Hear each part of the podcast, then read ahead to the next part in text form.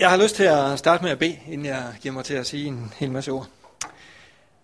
Far i himlen, tak fordi at vi må være sammen her. Tak fordi vi må få lov til at samles omkring dit ord, og samles omkring og, og bare suge til os af, hvad det har at give os.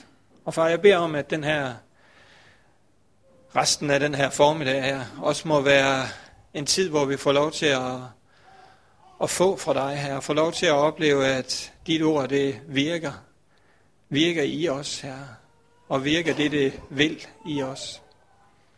Far, jeg beder om, at vi hver især må være åbne over for dit ord nu her. Jeg beder om, at vi må få lov til at, at mærke dit nærvær, mærke din ånd imellem os her, og at vi også må give den plads her. I dit eget navn, Jesus. Amen. Amen. Øh, inden jeg skulle køre herned i morges, så, øh, ja, så var der selvfølgelig en hel ting, masse ting, sådan morgen hjemme, ved os, den nu indebærer. Og dengang jeg så kom ud og skulle til at ud i bilen, så øh, kom jeg lige til at kigge på mine sko. Og så tænkte jeg, hvad ville Jette have tænkt, hvis nu hun så de sko? Så ville hun have tænkt, de skal pusses. Så gik jeg pligtskyldig ud og pussede dem jo. Hun sagde ingenting, fordi jeg skulle jo selv afsted i dag, men øh, jeg tænkte, jeg måtte hellere pusse de her sko. Og mens jeg så stod der og pussede sko, så, så stod jeg og tænkte over forskellige ting, som man nu kan, når man pusser sko. Og øh, jeg kom til at tænke over, at nogen af os vil jo egentlig bare gå og ikke tænke over, at vi trænger til at få vores sko pudset. Andre af os, vi vil jo simpelthen synes, det er rigtig træls at komme afsted i upudsede sko. Det vil vi have det rigtig skidt med. Det vil være sådan, det vil være sådan forskellen på nogen af os. Nogen af os, vil, jeg kunne faktisk godt gå uden at have pudset mine sko. Det var bare lige fordi, jeg fik lige øje på det nu. Nogle af os er den type, og nogle af os er den type, det, det betyder bare noget, at skoene er pudset, og skjorten er strøget, og det er i orden, ikke også? Og det funderer jeg sådan lidt over. Det er, jo, det er jo sådan, vi er. Det er jo sådan, vi alle sammen her er. Nogle af os har det også sådan, at øh, vi har det rigtig godt med lige at skubbe det værste til side på køkkenbordet, og så sætte to kaffekopper på, og så sætter vi os og tager en snak med den, der nu lige kom forbi og skulle have kaffe. Andre tænker, ej mand, det kan jeg ikke byde folk at have sådan, sådan et køkkenbord.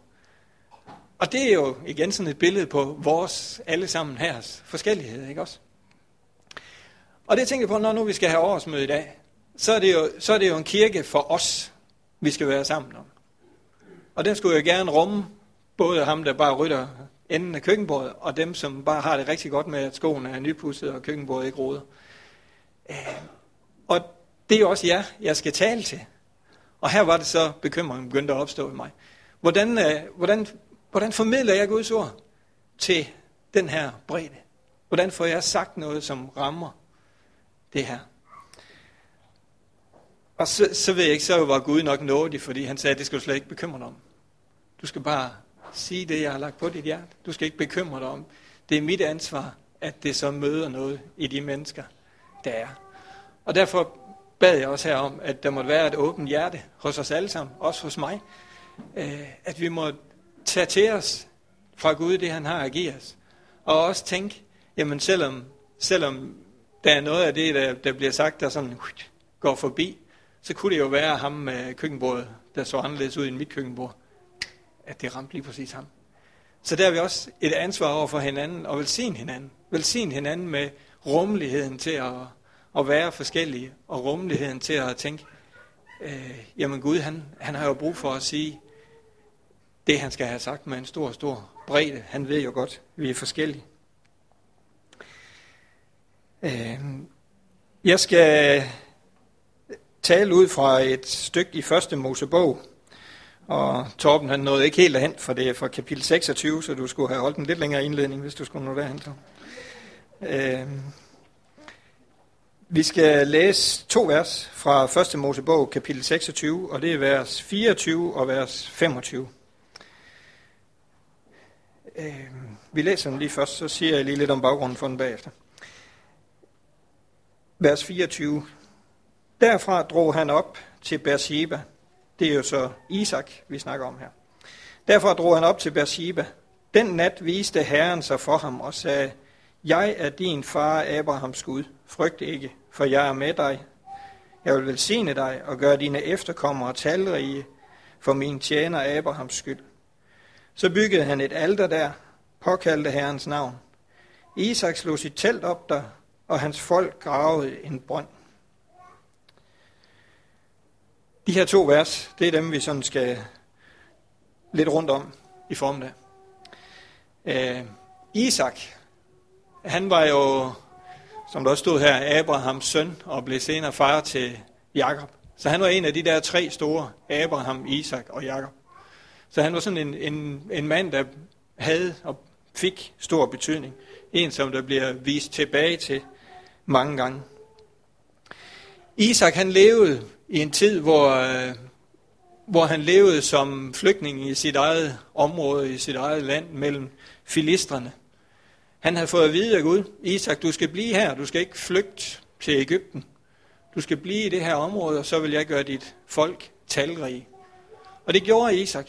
Han levede der i fjendeland, kan man jo sige, med sit folk, med dem, der var omkring ham. Og faktisk så levede han der og oplevede, at Gud han velsignede ham. Han oplevede, at Gud han lå velsignelse til. Når han såede korn, så fik han en stor høst. Når han passede sine dyr, så blev der stor udbytte af det også. Ikke også? Han levede et liv, hvor Gud velsignede ham. Midt i det der fjendeland. Midt i dem, som absolut ikke synes, han skulle være lige præcis der. Øhm. Samtidig med det, så oplevede han faktisk også stor modstand. Han oplevede, at dem, der var omkring ham, de øh, hele tiden satte ham ting i vejen. Han var der med sin, sit folk og sine dyr og havde brug for vand for eksempel. Men hele tiden så filisterne blev ved med at dække hans brønde, der hvor han gravede ned for at, at få vand. Det blev dækket. Han oplevede igen og igen, der blev sat hindringer i vejen for ham, og han måtte flytte et nyt sted hen. Han måtte hele tiden være på, på vandring, fordi de lå ham hindringer i vejen. Så han levede i spændingen imellem, at Gud han velsignede ham. Han virkelig tog hånd om ham. Han lod det, han havde med at gøre, lykkes. Og samtidig så oplevede han, at der skete ting, som igen og igen pillede ham ned, kan man sige, igen og igen, gjorde, at han måtte rykke videre, at han ikke kunne få vand til sin, sin dyr, hvilket var det helt afgørende. Han kunne, ikke, han kunne ikke leve der uden at have en brønd, hvor han kunne hente vand fra. Og det tænker jeg også, det er vores virkelighed et eller andet sted. Sådan har jeg det i hvert fald. Jeg oplever også spændingen imellem, at Gud han velsigner mig. Jeg kan godt se Guds velsignelse. Jeg kan godt opleve, at Gud han velsigner mit liv og se ting. Øj Gud her, her lykkes det for mig. Jeg har noget at spise hver dag. Jeg har alle de der ting, som vi nu har, fordi vi lever her, og vi gør, og er velsignet med et land, der omkring os er rigtig godt. Øh, jeg har en god familie, og vi kan jo nævne alle sammen de her velsignelser, ikke også? Samtidig, så oplever jeg også, at benene indimellem bliver slået væk under mig. At det som, at der er modstand, der er ting, som, som gør, at det her det er svært. Det her det er, det er hårdt. Øh, og jeg tror, vi genkender den her situation, eller den her livsspænding, alle sammen. Der er nok ingen af os, der lever i den der totale velsignelse og ikke oplever modstand, så vil jeg i hvert fald rigtig gerne snakke med jer bagefter. Fordi, øh, og samtidig er der jo heller ingen af os, der ikke kan sige, at, at vi kan godt få øje på Guds velsignelser. Vi kan godt se, at Gud han velsigner os jo. Og her, lige præcis der, i den spænding, levede Isak sammen med, med sit folk. Øh, og der er han, der hvor vi tager de her to vers ud af, af sammenhængen, kan man sige. Han er igen fået sin brønde dækket til. Han er igen blevet nødt til at, at rykke videre med sit folk og rykker så videre til Beersheba. Øh, og så er det, vi, vi tager igen versene her. Og så viste Herren sig for ham. Så viste Herren sig for ham. Han levede, så Gud han kunne få lov til at, at tale til ham. Der, midt i hans situation, talte Gud til ham omkring nogle ting. Og det han sagde til ham, det var, frygt ikke, jeg er med dig. Frygt ikke, jeg er med dig. Ligesom jeg var med din far Abraham. Sådan er jeg også med dig. Jeg vil velsigne dig, og jeg vil gøre dit folk talrigt. Selvom han lige havde oplevet, at nu måtte han igen rykke videre. Øh, Øh, det han så gør, da han kommer til Beersheba, det er, at han byggede et alter og påkaldte herrens navn. Han slog telt op, og hans folk gravede en brønd. Det står i vers 25. Han byggede et alter, Han gravede en brønd, og han slog telt op. Og se, så er vi ved at være inde ved, ved de tre punkter, og Erik han ved godt, at man skal have tre punkter i en prædiken, fordi så kan folk huske det. Er det ikke rigtigt, Erik? Øh, Ja, det var godt. Jeg vidste, han ville sige det. Nej, men det er det i hvert fald blevet til i min prædiken her i dag. Han byggede et alter, og det er der, vi skal starte. Øh, Isak, han var jo rigtig godt kendt med, hvad et alter det var. Han var nok en af de mennesker i hele verden, der havde aller, aller, aller tættest og størst erfaring med et alter. Det var jo ham, Abraham gik op ad bjerget med og lå på alderet, og i sidste øjeblik så sagde Gud, skån ham. Og så fandt de det der væder, der sad fast over i krattet ved siden af i stedet for. Så Isak, han vidste, hvad et alter var. Han vidste, hvad det betød. Han vidste, det betød at ofre alt, hvad man havde. Alt det, man havde aller, aller mest kær. Det var det, hans far var blevet udfordret i. Det var det, Abraham blev udfordret i, da han gik op ad bjerget med Isak. Øhm, han vidste lige nøjagtigt, hvad det betød at bygge et alter. Det han viste med at bygge det her alter, det var, at han var villig til at, at lægge alt det, han havde over til Gud. Han var villig til der at sige, jamen Gud, det er dit. Jeg vil bygge det her alter til din ære. Jeg vil tilbe dig der. Jeg vil ære dig der. Øhm. Når jeg har læst kapitlet før det her, så var det første gang, han byggede et alter, i hvert fald der er beskrevet, mens han flytter rundt her. Det er ikke første gang, han er blevet tvunget til at flytte, flytte videre, men det er første gang, han bygger et alter. Det er første gang, han ligesom får den her tanke, nu bygger jeg et alter. Så vidt jeg kan se i hvert fald. Øh, og faktisk så er det tankevækkende, at det så i de næste vers, hvis vi læser lidt videre, viser sig, at så slutter han fred der med filisterne. Slutter fred med dem rundt om sig der havde ham, står der også i et af de andre vers. Og jeg kan jo ikke lade være med at tænke, jamen det, at han byggede et alter til ære for Gud, der hvor Gud han satte ham, det gjorde, at Guds fred kunne få lov til at blive forløst. At han fik fred med dem, der efterstræbte ham. Det synes jeg var sådan en, en spændende tanke. Du kan selv tænke den videre. Øh, så alderet var for, for Isak et tegn på overgivelse overgivelse til Gud. Fuld overgivelse. Det var det, det signalerede. Det var det, han havde med sig. Og vores fællesskab her, kan det sammenlignes med det Isak han var en del af. Han gik rundt med sit folk. Han var fælles med det her folk om at følge Guds vilje, følge Guds plan, blive der, hvor Gud havde sat dem, og udrette det, de var tænkt til. Øh, og hvis nu vi så skulle gøre, ligesom Isak, bygge noget, der kunne være et alter, bygge noget, der kunne sammenlignes, sidestilles med det her alter, Isak han byggede, hvad ville det så være i vores liv, i vores sammenhæng? Noget, der kunne vise Gud, at vi er bestemt på, at vi er villige til at overgive det hele til ham. Og menigheden svarede, Øh, Isak han brugte jo alderet til at tilbe Gud. Han skabte et sted, øh, i øvrigt før han gjorde noget som helst andet, så byggede han det her alter. Han skabte et sted, hvor han kunne tilbe Gud med alt, hvad det indebar. Har du og jeg et sted i vores liv, personligt, hvor vi siger, jamen det er her, det er her, jeg kan være i Guds nærhed.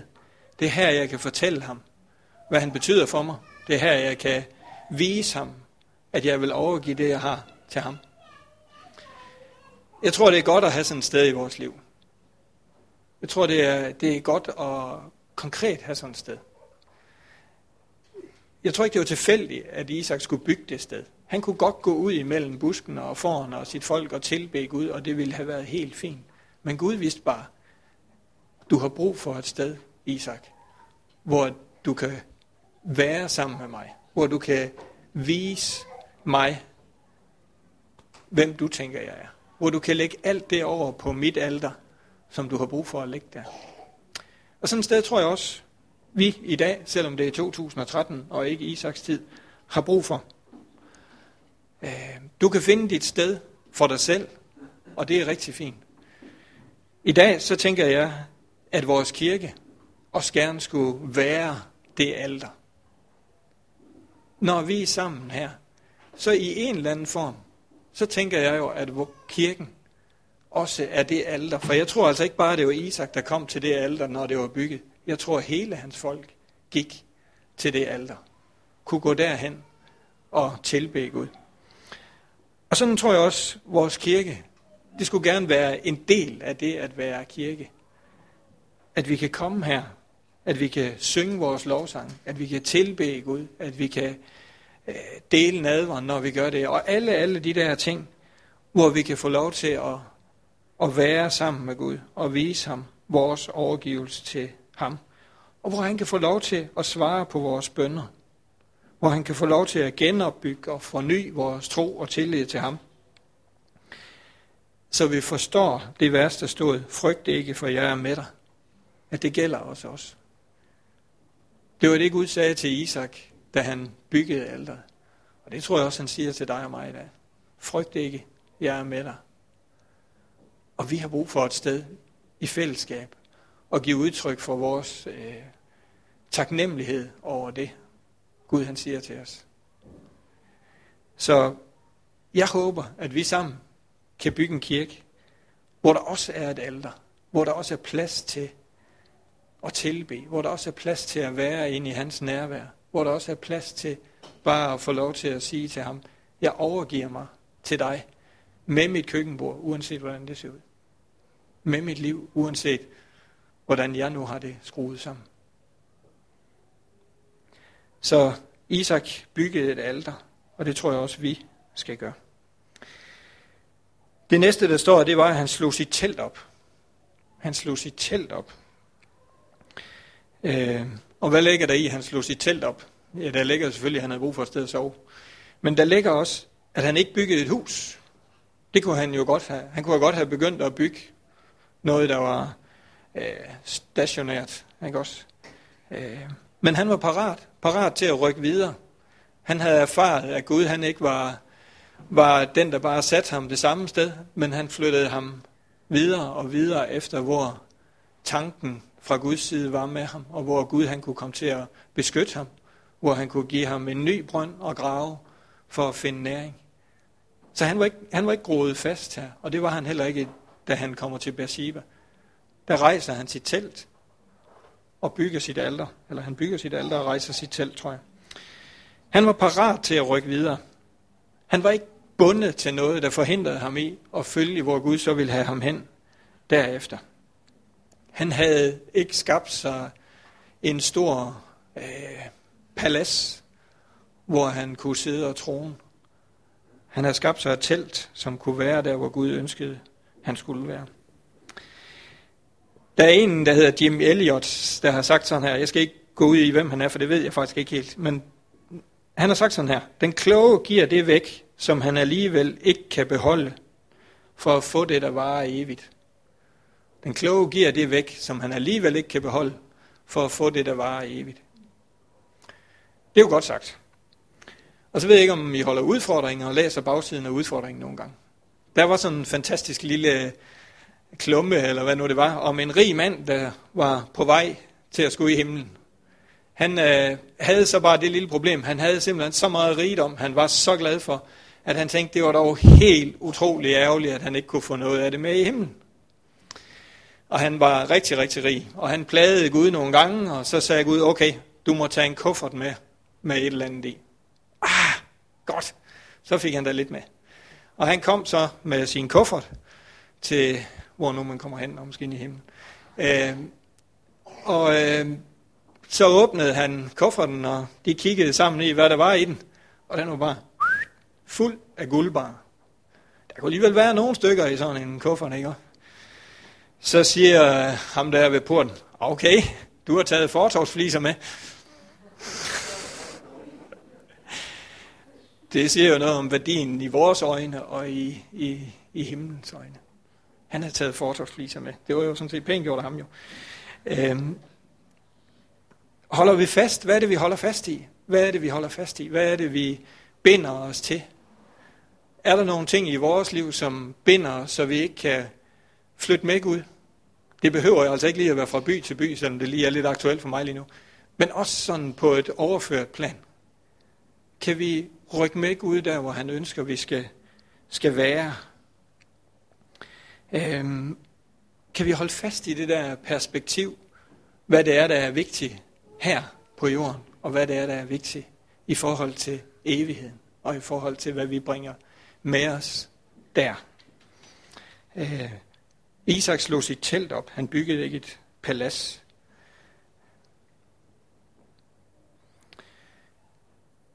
Ja.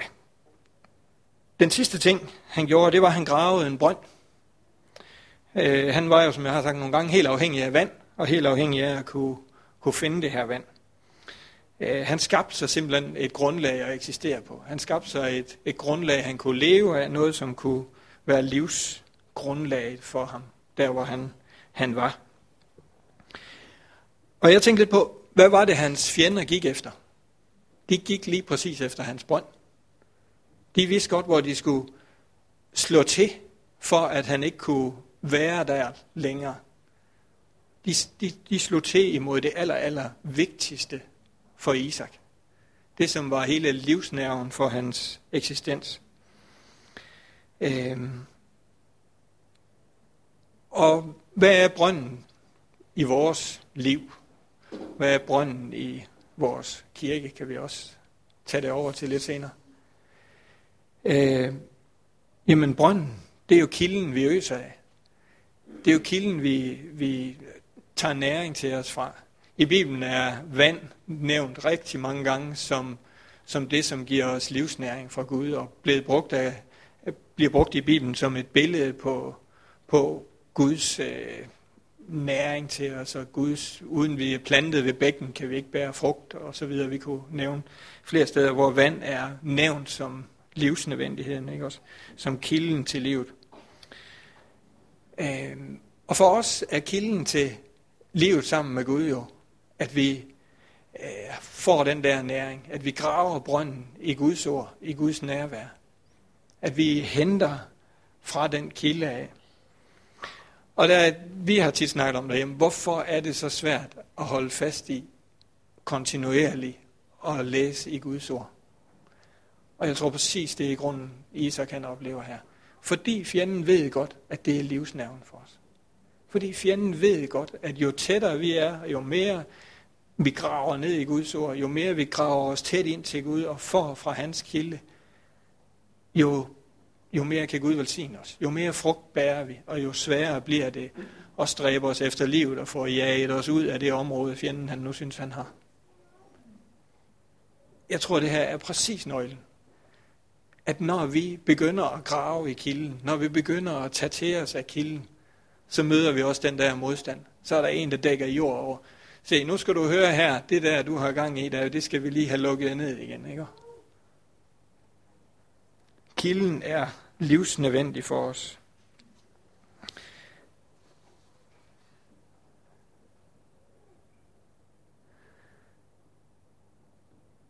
Og jeg tror, hvis nu vi, vi sammenligner Bibelen med kilden, Guds ord med kilden, så tror jeg, at der er sådan en, en, en, en dobbelt sammenhæng der. Fordi hvis vi læser i Guds ord, uden at det så bliver liv for os, så kan vi grave og grave og grave, og vi støder ikke på, på liv. Så bliver det tungt og tomt og uden, uden næring. Men kobler vi det sammen med Guds nærvær, Guds ånd, som kan få lov til at, at øh, sætte lys over ordet, sætte liv i ordet, så bliver det lige pludselig til, til den der kilde, hvor der også er næring. Og så tænker jeg på, at den omvendte sammenhæng er altså også skældende. Når vi sætter os for at begynde at grave i Guds ord, jamen så er de første lag, de der øh, folk Isak havde til at grave sin brønd, de mødte jo ikke vand i det øverste lag. Der var nok noget temmelig tørt sand og ting, sagde, at de skulle have fjernet, inden de var dernede, hvor kilden den sprang. Hvor lige pludselig så, så blev det der hul, som var et tørt hul i sandet, til liv. Så sprang der liv ud af det der hul. Og det tror jeg også er sådan med, med Guds ord. Nogle gange så er det, at vi graver i den øverste lag. Vi må, vi må ned under. Vi må dybere ned, hvor kilden så springer frem. Ikke også? Øh, vi må acceptere det vilkår, at over det levende vand, der ligger altså indimellem en temmelig tyk lag tør sand.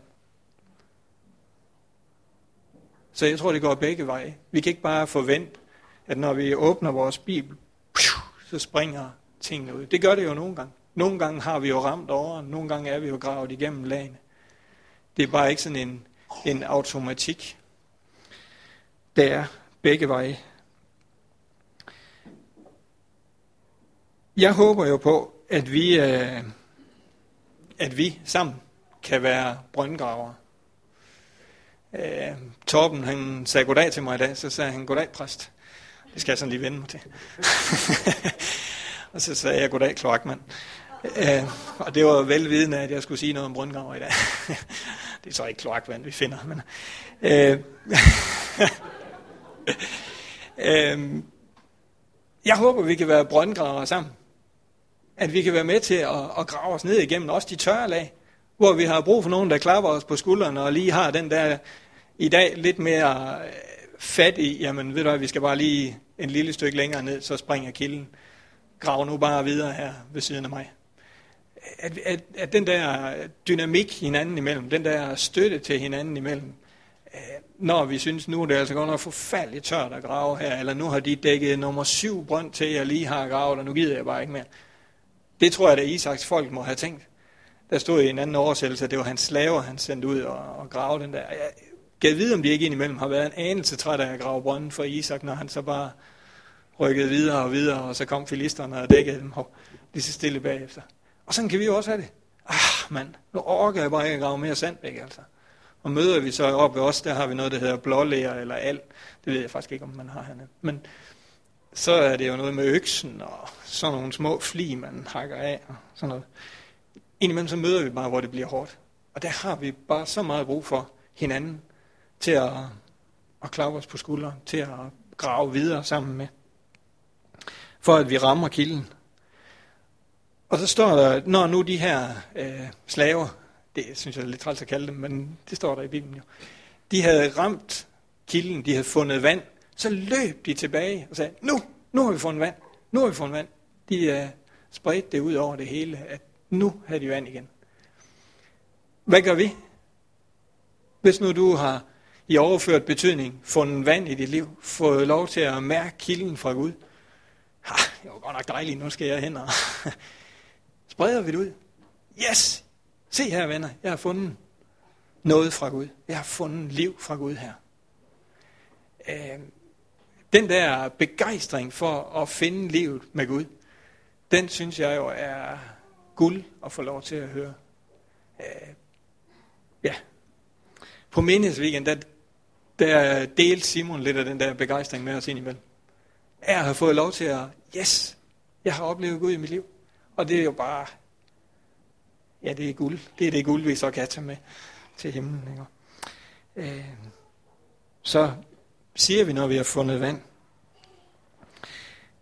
Af de her tre ting, at vi bygger et alter, at vi rejser vores telt og ikke bygger et eller andet palads, og at vi øh, graver en brønd, er det gældende i dit og mit liv, i vores kirke?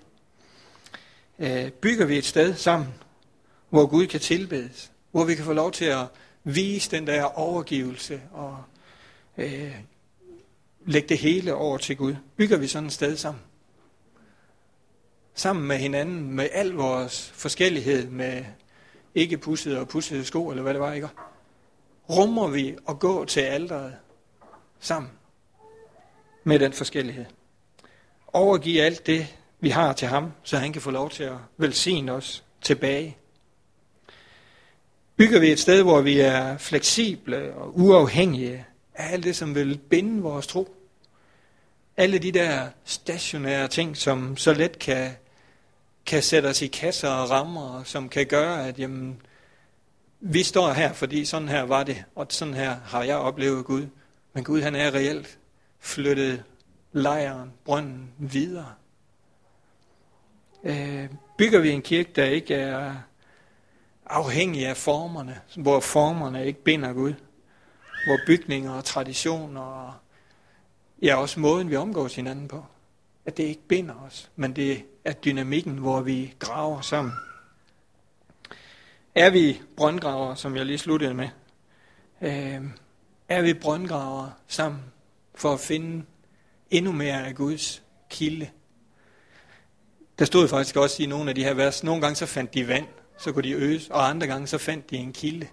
Og for mig så var der sådan lidt, det ved jeg ikke om der er belæg for, men for mig var der sådan lidt forskel på at finde sådan en, jeg skal rende hen og øse af, og så finde den der kilde, der bare strømmer, og hvor det bare løber, og hvor det bare er, hvor jeg bare kan sætte mig, og vandet det løber, uanset om jeg, oh, uanset om jeg tager af det eller ej, så strømmer det bare fordi, fordi, forbi, fordi der er så rigeligt af det. Det er, det er sådan kilden, det flyder over. Det bliver ved med at komme ud af, af bakken der, hvor det stammer fra. Er vi brøndgraver?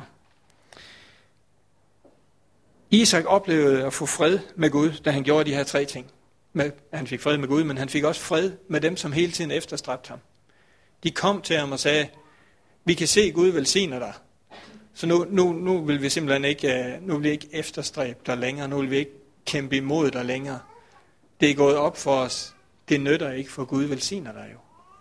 Vi kan ikke komme dig til livs, var ligesom deres konklusion. Vi har set, Gud velsigner dig. Det var det, Isak han oplevede. Og det tror jeg også, vi, øh, vi kommer til at opleve, når vi velsigner. Øh, eller når Gud får lov til at velsigne os igennem de her ting. Når vi tilbeder i ånd og sandhed, når vi giver det væk, som er forgængeligt, og når vi henter vores styrke ved kilden, så tror jeg faktisk, at mennesker kan se, at Gud er med os. Så tror jeg, Gud, eller så tror jeg, at mennesker kan mærke Guds nærvær igennem os. Når vi, vi har de her tre ting i vores liv, når vi er, har et sted, vi kan tilbe ham, når vi kan få lov til at lægge det på alderet og give det til ham der, når vi er fleksible og kan få lov til at følge med ud og ikke bliver stivnakket, kasseformede, og når vi rammer kilden. Det tror jeg, mennesker vil opleve og se. Det tror jeg, mennesker vil kunne mærke på os. Vil I være med til at bygge sådan en kirke? Skal vi bede sammen? Far i himlen, tak fordi, at vi må få lov til at hente fra dig. Tak fordi, vi må få lov til at, at være her, også den her formiddag, og høre fra dig og mærke dit nærvær. Far, jeg beder om, at du, øh, du vil tage imod det offer, vi lægger på alderet her. Tag imod vores lovsang. Tag imod vores tilbedelse. Tag imod vores liv og tag imod de ting, som vi har brug for at lægge over til dig. For jeg beder om, at du vil gøre os til det, du ønsker. At du vil forme og danne os. At du vil lade os være, modellere vokse i dine hænder. At vi må igen og igen blive formet og fornyet af dig. Og far, jeg beder om, at vi må få lov til at holde ud og grave, indtil vi rammer kilden her. Få lov til at øse af kilden i vores eget liv, og også til hinanden og til alle dem, der er ude omkring os. Far, velsign du resten af dagen her for os også. I dit eget navn, Jesus. Amen.